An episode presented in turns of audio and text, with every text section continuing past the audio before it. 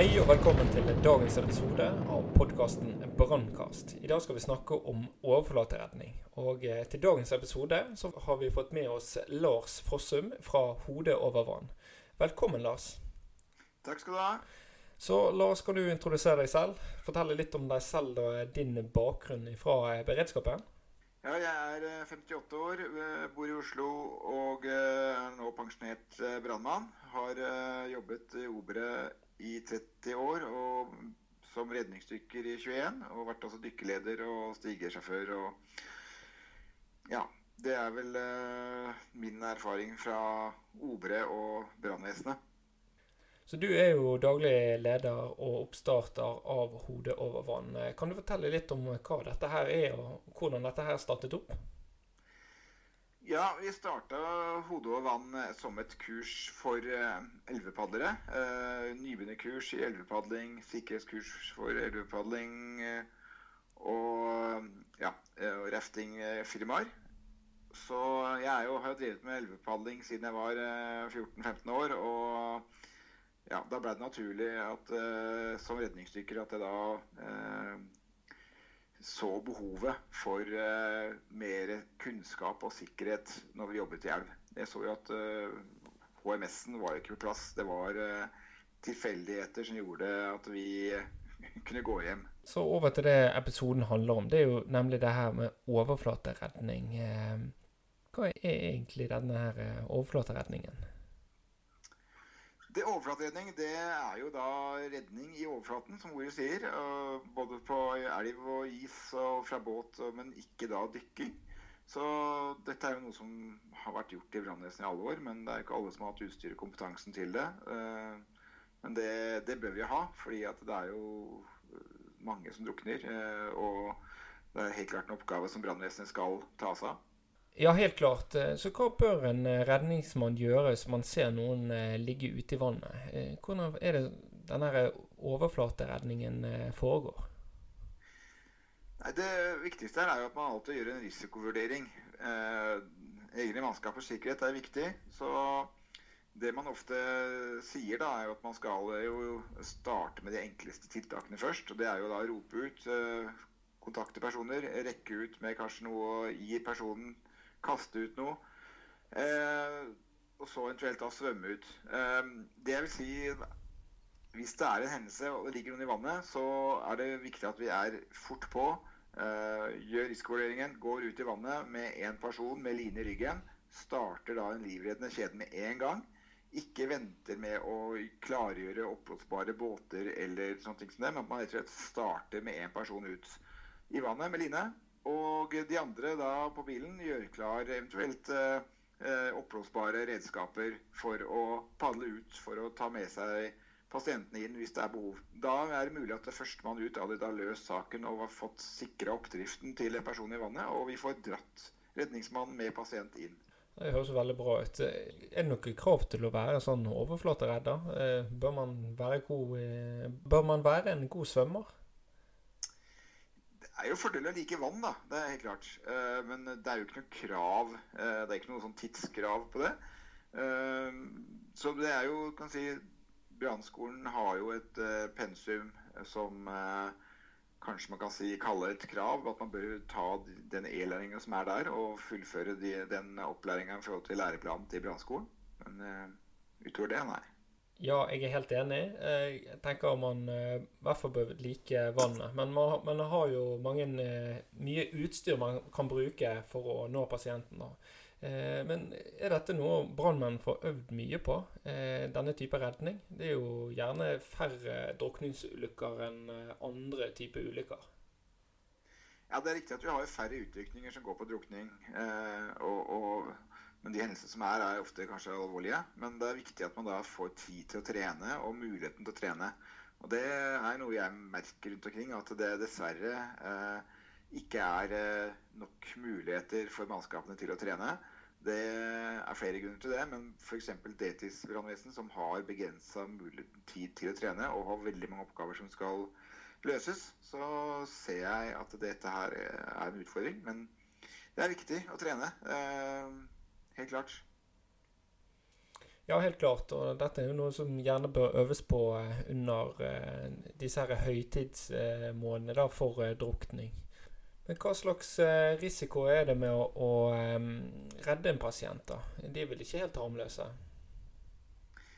Nei, det er jo klart det, det er jo ikke så uvanlig at man har panikk, de personene vi skal redde. Og for en person, person som ligger i vannet med panikk, så vil en redningsmann være en flytebøye. Så det gjelder jo da å komme så høyt som mulig opp på den eh, redningsmannen for å være sikker at eh, nesa er over vannflata.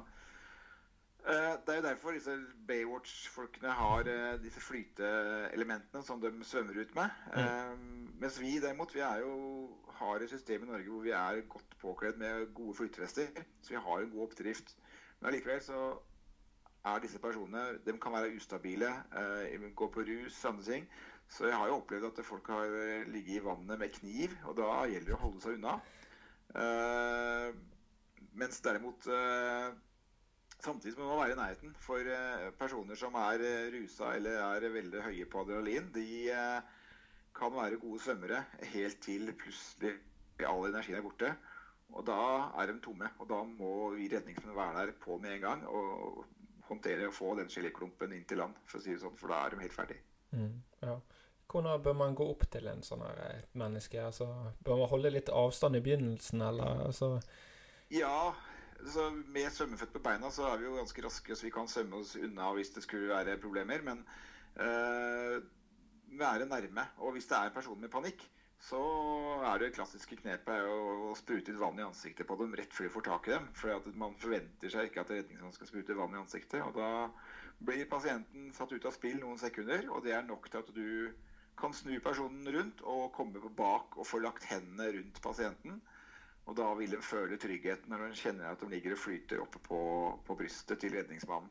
Mm. Så da kan man jo hviske søte ord, gjøre på dem og si at eh, nå går det bra. Og når du har pasienten, og drar det inn, da. Eh, hvordan er det det foregår? Altså, er det full fart inn i bryggen, eller? det, det, jeg har jo hørt historier hvor man har festa tauet i, i uh, hengerfestet og kjørt dem inn med pickupen. Det er kanskje ikke å anbefale, men, uh, men det er jo å dra dem inn så fort som mulig. Og, og selvfølgelig ikke skade dem idet de kommer inn til bryggekanter eller steiner. Men det gjelder å få dem inn så fort som mulig og få starta videre behandling av den pasienten som kanskje da trenger medisinsk hjelp. Ja. ja da tenker jeg det kan være lurt å, å begynne å tenke, å tenke, hvor man kan få opp det her pasienten. Eh, legge, en plan om hvor man faktisk kan eh, Hvor det er lettest å få den opp. Ikke bare rett ut og rett tilbake, men eh, den eh, redningen, da, selve prosessen videre når du har den. Ja. Det er riktig, og det kan i noen tilfeller være lettere å forflytte pasienten i vannet enn på land òg, slik at man finner et, eh, et, punkt hvor man kan ta pasienten opp på en så skånsom måte som mulig. Mm. Og det er der hengerfestet kommer inn.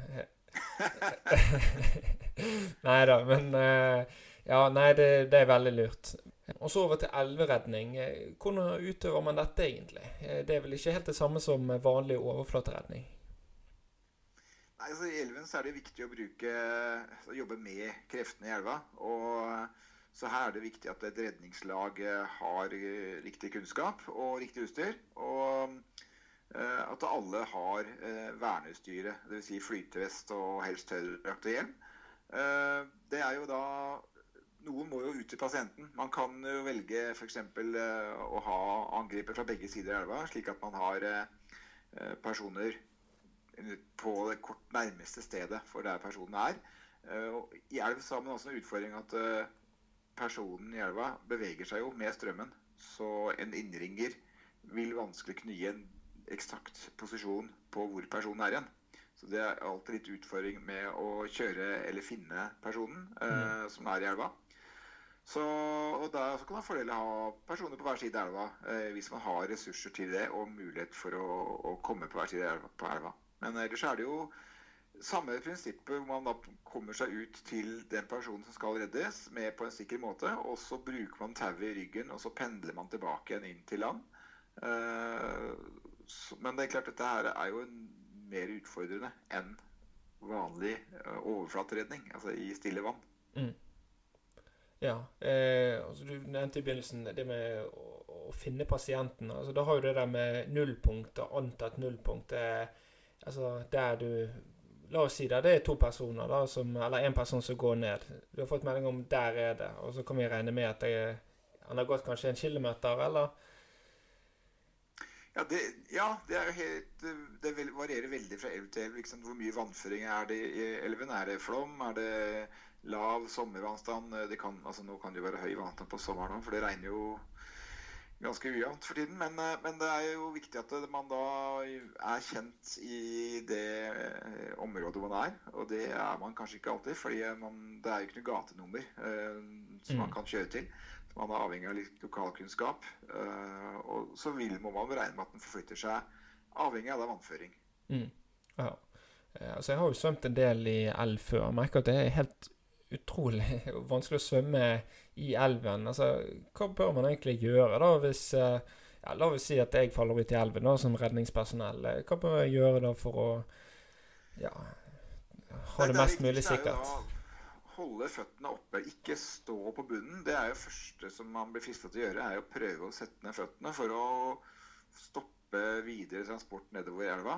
Eh, da kan man fort havne i fotfelle. og den fella har du ikke lyst til å være i, fordi at da blir eh, føttene hengende på bunnen, og hodet blir pressa ned under vann. og det er en eh, kritisk situasjon. Så det er viktig. Føttene opp mot overflata, og så svømmer man på tvers av strømmen inn til nærmeste land. Og så forhåpentligvis har noen av kollegaene dine sett det og kan kaste ut en kasteline til deg. Mm. Ja, kasteline sånn at du kan holde deg eh, oppe, f.eks. i denne fotfellen? Ja, hvis du, hvis du, havner i fotfellen, så er det litt mer komplisert. Men uh, bare det å, hvis du følger flyter med strømmen, mm. så er jo kastelina et fint verktøy for å pendle den personen inn til land. Uh, for det er mye raskere enn å begynne å svømme på tvers uh, av strømmen og komme seg inn selv. Da. Så en, en, en, fotfelleredning er jo litt mer komplisert, men det er litt som du sier at det, vi må ut til den personen som sitter i fotfella, og prøve å gi den personen tilgang på luft. Mm. Så ja. ja. Derfor, da tar man et eh, Hvis jeg husker riktig, så da tar man et tau fra, på, fra begge sider og prøver å heve han, eh, han Få han til å ha et sånt eh, hevingspunkt eller en Ja, hvordan blir det? Jo, det er, det er en, av, en, av, metodene eh, som kan brukes. Utfordringen med den metoden er jo at hvis det er en bred elv, så tar det lang tid å få det tauet over. Mm. Eh, og selv på en smal elv så vil det ta litt tid.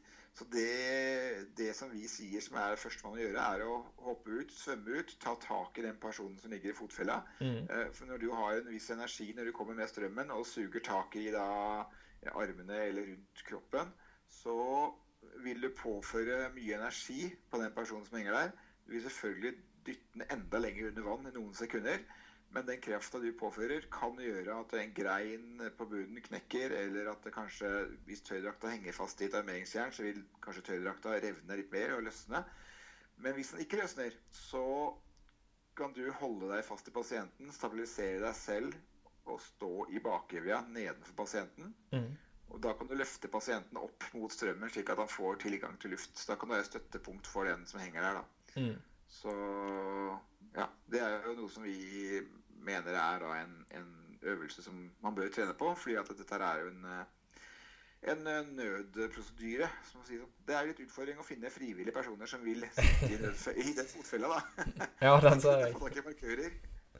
Ja, det er noe klart. Eh, du kan, du kan risikere å knekke foten på vedkommende eller noe sånt. Ja, det kan du gjøre. Men Vi bruker dokker. da. Dokker og gjerne et, eh, et anker på foten på dokka, og så, så har du fått lagd en fotfelle. Ja, så Hvilke andre farer er det med elveredning? Eh, hvorfor, eh, hvordan er det elveredning skiller seg ut, egentlig? Det er jo mye krefter, fordi du har enorme, enorme masser som veier seg. ikke sant? Du, du snakker jo mange Altså en, en middels normalt, ja, normalt middels elv, de har gjerne kanskje 50 100 000 liter vann som passerer i sekundet. og det er klart det er mye krefter. Så da har du liksom den risikoen for fotfeller og andre ting som kan skje ute i elva. Det gjør at det har en stor risiko, og det er krevende å, å komme seg ut til pasienter, ut til skadestedet. Så vi undervurderer veldig ofte de kreftene som er i elva. Eh, det ser jeg veldig ofte eh, når vi får spørsmål eller eh, fra personer som ja, tror ting er lett å gjøre, som ikke er lett. Så, så vi må ha den kunnskapen. Og da trenger vi eh, å få den kunnskapen eh, og lære det og trene på det. Og jeg vet at enkelte sier at ja, men vi, vi, vi skal ikke gjøre redning i elv, vi skal bare redde på is og vann. Men hvem er det som skal definere når det er en elv? Altså Vi brannmenn blir kalt ut om det er elv eller om det er på is eller på vann, så er det vi som står der. Og det er den utviklingslederen som står der med det valgets kval. Hva skal vi gjøre? Og hvis man ikke da har utstyret eller kunnskapen, så tar man ofte dårlige valg, og det kan få dårlige resultater. Så det er viktig at vi er forberedt på det vi møter. Og mm. du kan ikke velge bort å ikke reise ut på en uh, drukningsulykke i en elv. Nei det, nei, det, blir jo litt vanskelig, sånn sett. Uh, så det er greit å få øvd litt på det. Ikke bare øvd på sånn en koselig liten svømmetur på, i, i rolig vann. Du må faktisk øve litt på litt mer krevende forhold enn det. Uh, og det er jo den definisjonen på hva er elv. Altså Så lenge det er litt strøm, så kan det fort være en elv, da. Mm. Ja, og kan du elveredning, så er annen eh, vannredning lett. Mm.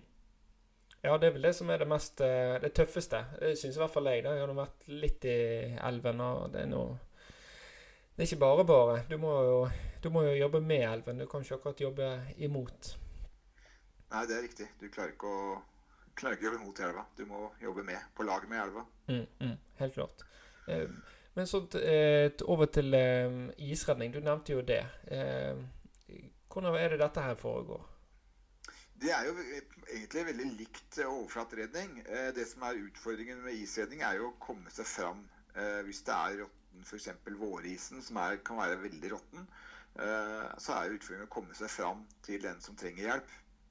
Og igjen så vil jeg si at her er det samme som at vi må få en redningsmann ut i det råket til den personen i isen så fort som pokker. Og det vil si at eh, en mann som er ferdig påkledd i brannbilen, kommer fram, liner ryggen, løper ut på isen, ut i råket.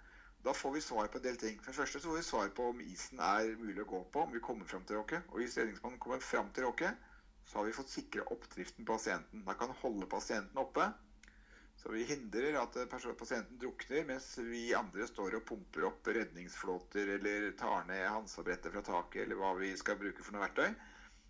Og så kan det verktøyet, den, det verktøyet som vi skal ta pasienten inn med, det kan komme da ut etterpå. og Da har vi allerede viss formening om hvordan iskvaliteten er, og hvordan det er kommet seg ut hit.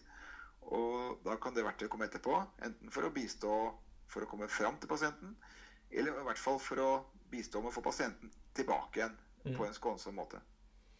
Ja, jeg har jo falt igjen eh, nå, altså, nå har jeg bare falt gjennom isen én gang, og det er jo utrolig vanskelig å komme seg opp igjen. Eh, da jeg prøvde å komme meg opp så knakk jo bare isen hver gang eh, eh hver gang jeg eh, prøvde å komme meg opp. Altså, Har du noen tips i forhold til det her, da? Altså for, for, folk som ikke er kledd med tøydrakt og sånt, så er det jo kuldesjokket som gjør at du får en ukontrollert pust. altså Panikken kommer fort, og man eh, er urasjonell. Og, og, så poenget er å prøve å få kontroll på pusten. Prøv å puste rolig. Etter en kort stund så vil eh, den kuldesjokket gi seg. Eh, og så gå opp samme vei du kom. Uh, det vil si at Den veien du har gått på isen, da vil den mest sannsynlig bære deg også tilbake igjen. Mm. Så gå samme veien du kom, og prøv å fordele tyngden og ha bena mot overflata når du skal opp på isen. Altså legg bena høyt i vannet, bakover, eh, og, og, dra deg inn på isen. Mm. Ja, litt som en eh, sel? Ja, det kan du si. Litt som en sel. Og ja. selvfølgelig så hjelper det med isbigger, men det er fullt mulig å komme seg opp uten isbigger også, selv på stories. Så eh, ja. Hva gjør en sivil person som ser noen gå gjennom isen, egentlig? Hva bør man gjøre? Nei, Det er jo viktigst å varsle.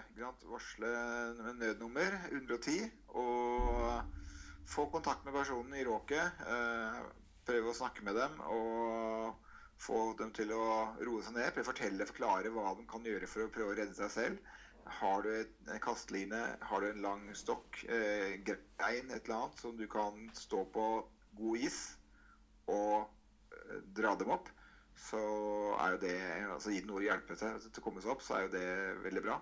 Men det viktigste er jo å. Ja, helt klart. Ja, og dere har jo også noe annet da, som er tillegg, eh, tillegg til overflateredning. Dere har jo noe som heter eh, Rescue Runner. Hva er egentlig eh, denne Rescue Runneren? Det er jo en vannskuter. Men det er jo litt negativt lada ord. Så vi liker å kalle det for et arbeidsverktøy, et redningsverktøy, som, fordi at det er så spesielt. Det er en grunn til at Redningsselskapet har dette her på alle sine faste bemanna stasjoner. Og, og den, den, har jo vist seg som et uvurderlig verktøy, eh, f.eks. på Turøy-ulykken, hvor det var rescueren til Redningsselskapet som frakta personer og, og utstyr eh, ut til den holmen hvor eh, det arbeidet der ble utført. Mm. Så den eh, fungerer supert. Du har lenser, den kan ha med seg brannpumper og, og, og eh, førstehjelpsutstyr. Eh, og ja, den er jo utrolig solid. Kommer fram overalt. lett å sette ut og lett å betjene. Så ja, så det er jo noen brannvesen som allerede har eh, investert i dette her. Og det er jo bl.a. Sarpsborg brannvesen, Mo i Rana og Gaudal brann og redning har jo kjøpt dette her. Har god erfaring med brukeren av dette her. Så eh, ja. Nei, det er et, et verktøy som eh, er veldig fint til elv eh, og vann og sjø. Mm. Helt klart. Ja, eh, det ser ut som et vakkert leketøy. Det nesten, må nesten være litt gøy å komme på jobb og bruke den. Ja, det er ikke feil at det er moro å trene heller, da. men poenget her er at dette her skal jo ikke Du skal ikke altså Første spørsmål vi får, er jo hvor fort går den. Det er jo det viktigste. Det er jo at du kommer til overalt, og den er veldig enkel å betjene. Og lett å plukke opp personer. og ja. Så hvor fort det går, det er ikke det viktigste. Men eh, hvor fort går den egentlig? den går i 8 knop. Så den er jo ikke rask til å være vannskuter. Du får jo de som går mye fortere. Men det, men det, er jo fordi at den er laget for å være stabil og for å være mm. solid. Den kan du kjøre rett opp på land og parkere den på svalberget. Og droppe den fra kaia på fem meter og sette oppå den og kjøre av gårde. Så ja. Som helikopter ut. Ja. Så du kan bare droppe den fra flere meter, og det går helt fint? Du kan droppe den fra, fem, fra flere meter, ja. Oi. Bare dytte den utfor bryggekanten, så kan du kjøre. Ja, Det høres helt fantastisk ut. Ja da. Det er et eh, fint verktøy. Men eh, ja, så over til drukning. da. Eh, hva betyr det egentlig å drukne? Det, drukning det er ekspresjonssvikt som følge av at munn og nese er under vann da, eller en annen form for væske. Det fører til at personen som da ikke klarer å puste altså Du puster jo deg inn vann. Når, når du pustebehovet kommer, så vil Eh, kroppen automatisk trekke inn. Og hvis da hodet er under vann, så vil du trekke inn vann. Og det forårsaker en frektorisk stenging av luftrøret, som gjør at du da drukner. Ja. Uh, og hva slags uh, drukninger vi har. Det, her kan vi skille mellom utilsiktet og tilsiktede hendelser. Hva tenker du når jeg sier det? Nei, Du har jo da altså de som ramler i vannet, ikke sant? Som, da, da ja, som gjerne vil ha hjelp, og som, eh, som eh, vi eh, egentlig ikke trenger å bekymre oss så mye om. De kan ha panikk, men jeg mener at vi er godt utstyrt med flytevester og hjelmer, så det, vi skal kunne takle dem. De som frivillig hopper uti, kan jo være flere årsaker. Du har jo selvmordskandidater. Dem er det jo veldig sjelden vi har noen sjanse til å gjøre noe med. I hvert fall ikke de som er, uh, har tatt den jobben der seriøst. med å, med å, Det går jo gjerne bort på steder hvor ingen ser dem, uh, og skriver en lapp kanskje, og de finner klærne på land. Uh, mens de som sånne brohoppere er, er, kanskje mer signal om hjelp. da. Mm. som hopper fra broer og ut fra bryggekanter. Dem, dem kan jo være også rusa. Og der har vi hatt hendelser hvor personer har ligget i vannet med, med kniv og hogd etter redningsdykkerne. Og klart Da gjelder det å holde avstand fra de personene og sikre seg selv og holde seg unna. Mm, mm, helt klart. Hvor i Norge er det det skjer flest ulykker, og når på året er Altså, når på året skjer dette egentlig? Det, sommermåneden er jo altså Badesesongen eh, da, og feriesesongen er jo den tiden hvor det er mest drukningsulykker.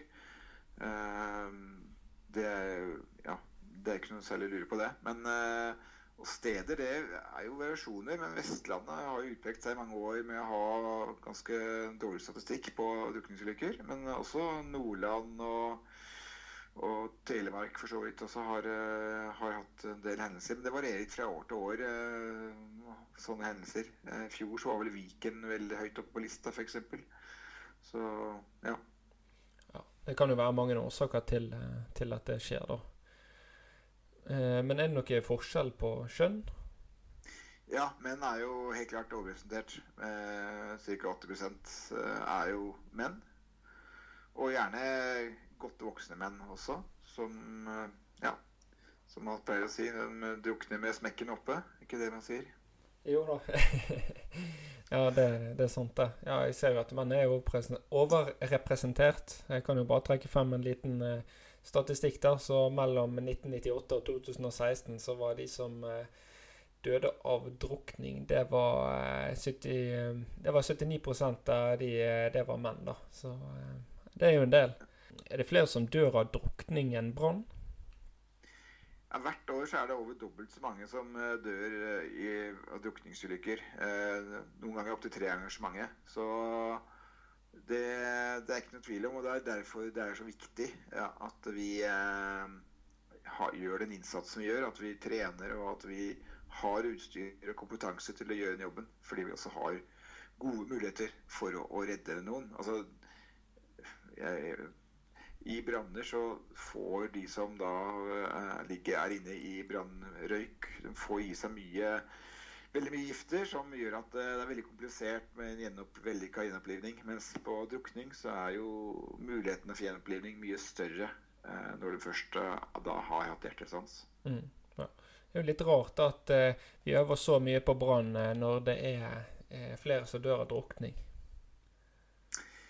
Det er, har jeg satt spørsmålstegn ved, ved veldig mange ganger. Og jeg mistenker kanskje at det ikke bare er livet, men også litt økonomiske årsaker som ligger bak det. Men uh, jeg syns jo også at uh, vi, vi, har et direktorat som kanskje ikke er så veldig engasjert i drukningsulykker, dessverre. Så ja. ja. Jeg er helt i det. Her er det mye å gå på. Men sånn i forhold til drukning, da.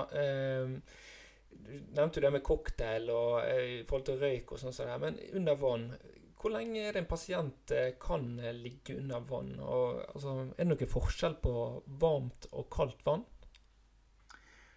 Kaldt vann har jo en veldig fin egenskap ved at det bevarer eh, altså hjernen vår etter at eh, vi har hatt eh, hjertestans.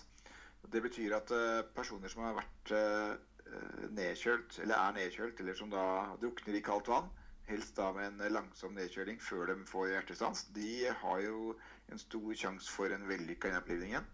Uh, flere personer har jo overlevd uh, time og mer enn det. Uh, vi har jo en dame i Tromsø som hadde 13,8 grader kroppstemperatur. Usikkert hvor lenge hun har hatt hjertestans, men hun har nok hatt det ganske lenge. Jeg tror nå over to timer under den, nede i den bekken under isen. Så, så, og hun er jo helt eh, frisk i dag. Ikke noe varig men etter det her. Jobber fortsatt som lege. Eh, så det er flere eksempler på dette her. Og vi har også eksempler i Oslo Grand Redningsstat hvor vi har redda personer som har vært en time under vann. Så det er klart det er, eh, det er livreddende. Og, og, det er stor forskjell på varmt og kaldt vann. Eh, det er det. Mm. Og du har denne, ja, du har denne golden hour. Ja.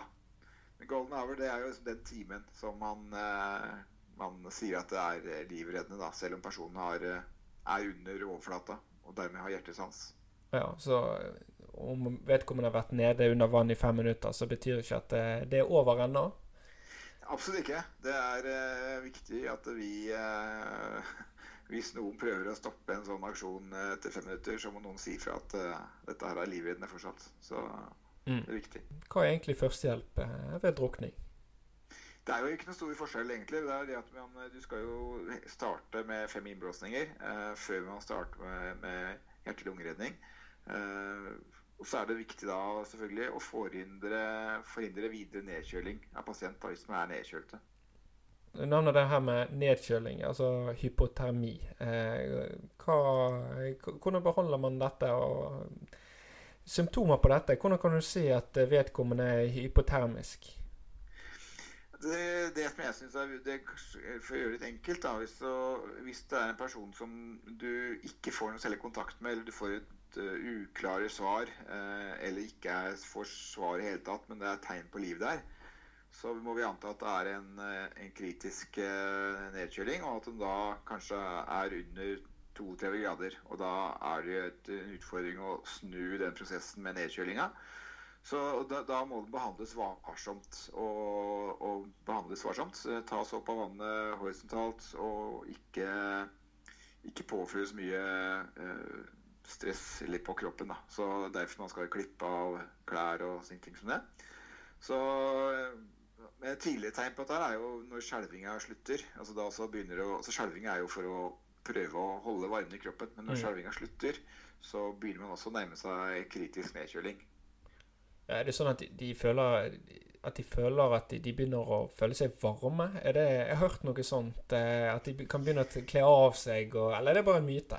Nei, altså Jeg har aldri sett det. Men eh, altså, det er jo de tingene som, er, som sies, da. At hvis man begynner å gjøre sånne rare ting når hun tydelig er kalde, så, så er ikke det et godt tegn. da.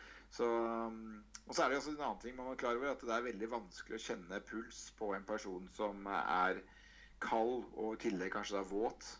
Eh, og i tillegg så er kanskje vi som står der også litt kalde og våte og sånt. Så det, det er eh, så det blir lettere kanskje å kjenne etter pust da, enn å kjenne etter puls. Ja, respirasjon istedenfor puls. Ja, så kanskje legge seg nedi med øret og mot munnen og høre om du eller kjenne om du kjenner noe, kjenner noe luft. Ja, ok. Men hvordan er det Bør man kle av pasienten og ta av disse våte klærne og pakke de inn i noe annet, eller hvordan få de inn et sted, eller hvordan, hvordan er det egentlig? Nei, Hvis du har muligheten til å, å, pakke dem inn i det varme ting, noe vi som regel har i brannvesenet med ulltepper og andre ting, så, så anbefaler vi å ta av, eller klippe av våte klær. Og få dem inn, pakka inn i tørt tøy og inn i varmere omgivelser. Mm, mm, ja, ja det, det, er veldig vesentlig. Eh, men sånn etter hvert, da, eh, ved en hendelse, så, så, handler jo ikke det om å redde liv lenger. Eh, men det handler om å finne vedkommende. Når går man fra redning til søk? Det er jo politiet som er skadesleder, som, av, som avgjør dette her. Eh, og det er jo eh, eh, si, Det er viktig at det fortsetter selv om man mistenker at personene er under vann, så, så skal jo søket fortsette i hvert fall en time, den golden hour som vi snakka om i stad. Mm. Eh, mange ganger så kan det gå mye lenger, for man vet jo ikke om pasienten er eh, under overflata, eller om personen eh, er et, på en holme, på et skjær eller eh, et sted. Så man har en omfattende søk. At den kanskje personen har kommet seg opp et sted i elva, sitter på en, et øy eller et eller annet. Og da kan jo søket pågå lenge.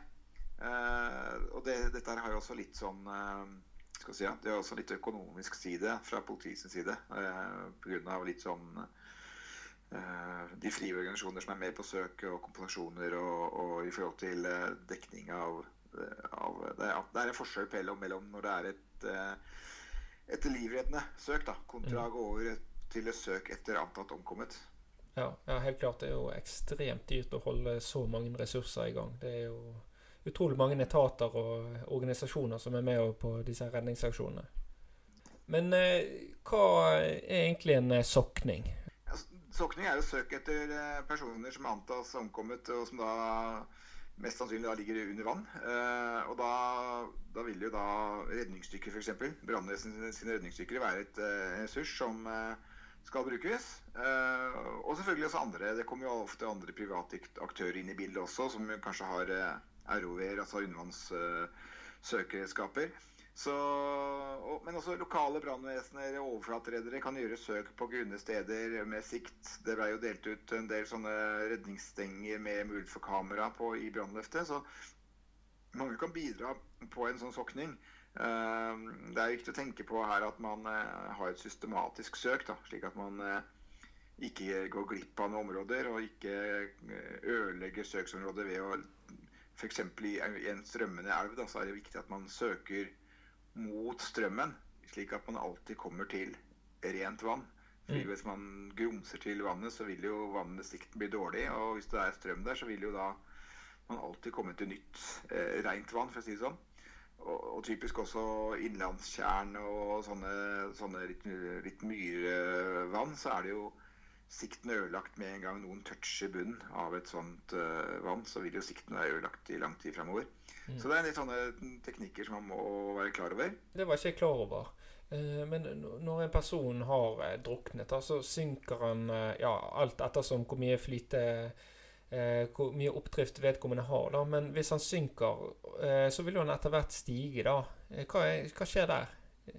Ja, det er jo gassing da, som, i kroppen som gjør at det Eh, ved forråtnelsesprosessen så utvikles det gasser og som gjør at kroppen vil eh, i de aller fleste tilfeller flyte opp etter en stund. Og Det er helt avhengig av vanntemperatur f.eks. Har veldig mye å si. Er det kaldt vann, så vil jo den forråtningsprosessen gå saktere. Mm. Er det varmere vann, så går den prosessen fortere, og personen vil fortere flyte opp. Men det er jo ikke noe, det er ikke noe garanti for at de flyter opp, men, men veldig ofte så gjør de det. De dukker opp uh, etter en stund. Så, ja, og det blir jo også brukt en del sånn teknikker, spesielt i elv, da, hvor man kanskje legger ut en dokke for å se hvor den dokka flyter hen. Og det er en veldig usikker eh, Det er veldig mye å si hva slags type elv det er. Er det en liten, smal elv, så kan det være en god løsning. Men jeg pleier å si at du må i hvert fall legge ut den dokka fra samme punktet, altså antatt nullpunkt. Og så må du legge ut den dokka kanskje opp mot ti ganger. Og så må du se hvor Og så havner den dokka på samme sted i, i fem av de ti gangene. Mm. Så vil det være et sannsynlig sted. Men du kan risikere at en dokka havner ti forskjellige steder. Mm. Så det men det, det, det, er jo et verktøy som kan brukes. Og som, i som sagt, noen tilfeller, så spesielt i litt sånn smale elver, bratte elver, så kan dette være et godt verktøy. Mm. Ja. Helt klart. Eh, så hva tiltak er det man har for at det skal bli eh, færre drukningsulykker her i Norge? Jeg tror det er veldig viktig med svømmeopplæringen. At, eh, og der skjer jo en del i forbindelse med, med et prosjekt på, i Trondheim, på høyskolen der, hvor, de har, hvor det nå er, det er bestemt at det skal være svømmeopplæring ikke bare i basseng, men også at man skal faktisk ut og, og svømme i naturen. Dvs. Si at det ikke bare bare inne i et basseng, for det er litt andre miljøer ute. Men selvfølgelig også ting som flytevester, informasjon, holdninger, eh, sikring av objekter. Eh, det er mange ting som kan gjøres. Promillegrenser, eh, sånne ting som det, eh, som spiller inn. Mm. Ja, det, det, er helt klart. Altså, det er så mye man kan gjøre for å forebygge disse her drukningsulykkene. Altså, det du nevner, er jo helt, helt kanon. Ja, og ikke minst det å, å, holde øye på barna sine. ikke sant? Og ikke mm. bruke mobilen, men at man har fokus på de barna som er ute og bader. Og ikke sitte med ansiktet nede i en mobiltelefon mm. på stranda. Ja. Er kanskje et litt upopulært forslag, men jeg skulle jo kanskje gjerne sett at uh, de hadde sunket, uh, senket den promillegrensen. Jeg tror kanskje mange ulykker hadde vært uh, forebygget ved å senke den lite, lite grann. Det er nok godt mulig. Det er jo Ja, det er dessverre litt for mye alkohol og båtkjøring. Mm. Jeg føler ikke de eh, går helt hånd i hånd. Vi har jo det Gjensidigestiftelsen og det store brannløftet. Det er jo mange som er kjent med det. Men hva gjorde det her brannløftet for å forebygge drukning i Norge? Eh, ja, det har jo vært et, eh, en gavepakke som eh, ikke bare altså i dobbel forstand gjør at vi har fått masse utstyr rundt til mange brannvesen. veldig mye utstyr som er delt ut. Og, og det er jo altså For mange brannvesen hadde jo ingenting. Og nå har de plutselig fått mye utstyr som kan sikre seg selv. Og det vi har fått kunnskap.